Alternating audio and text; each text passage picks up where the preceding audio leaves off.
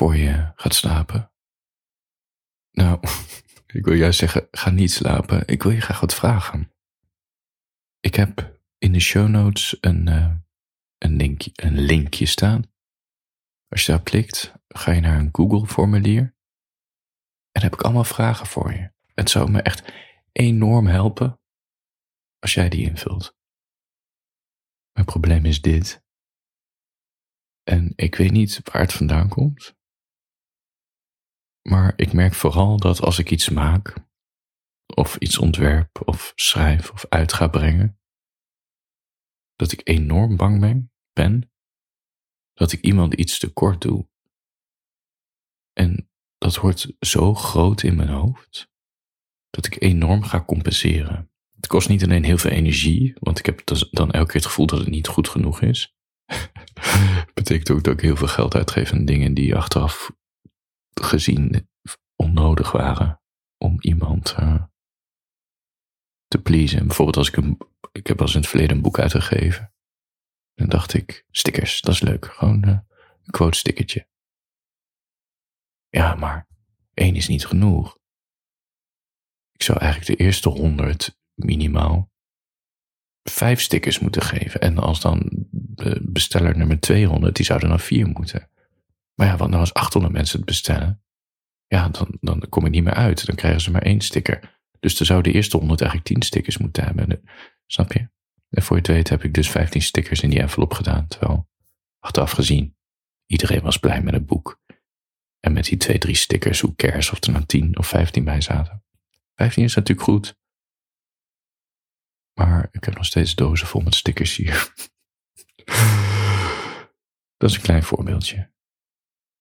Ik merk ook met deze instaapvalberichten dat ik echt met heel veel plezier maak. En ik stop er sinds een half jaar echt ontzettend veel tijd in om het, de productie beter te hebben, de verhalen beter op te schrijven, in te spreken, de audio beter te krijgen.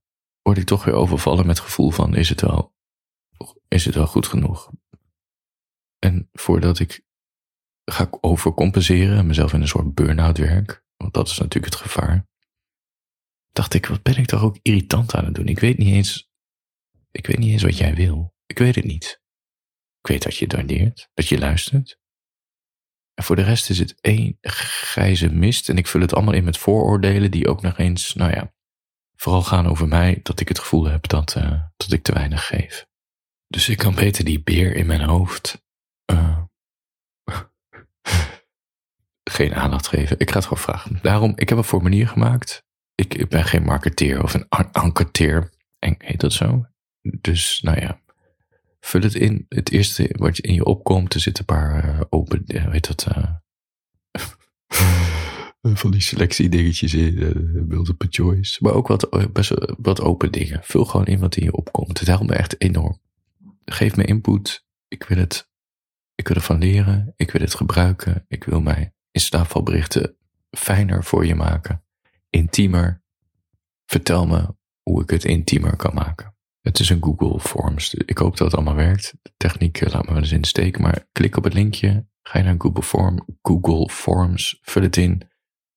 Ik krijg de antwoorden in zo'n uh, Google Sheets te zien. En ja, nou ja, dat.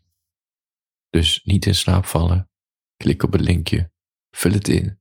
Help me. Help me. Ik doe het echt. Ik doe dit voor een heel klein, uh, voor een klein publiek. Wat het juist zo bijzonder maakt. Dus doe nu niet dat, dit, dat je denkt dat een ander het wel doet. Nee, ik heb jouw input nodig, snap je? Want jij bent een van de intieme luisteraars waar ik het voor doe. Help me, help me. Vul het in met heel je hart. Slaap lekker alvast, handjes boven de dekens.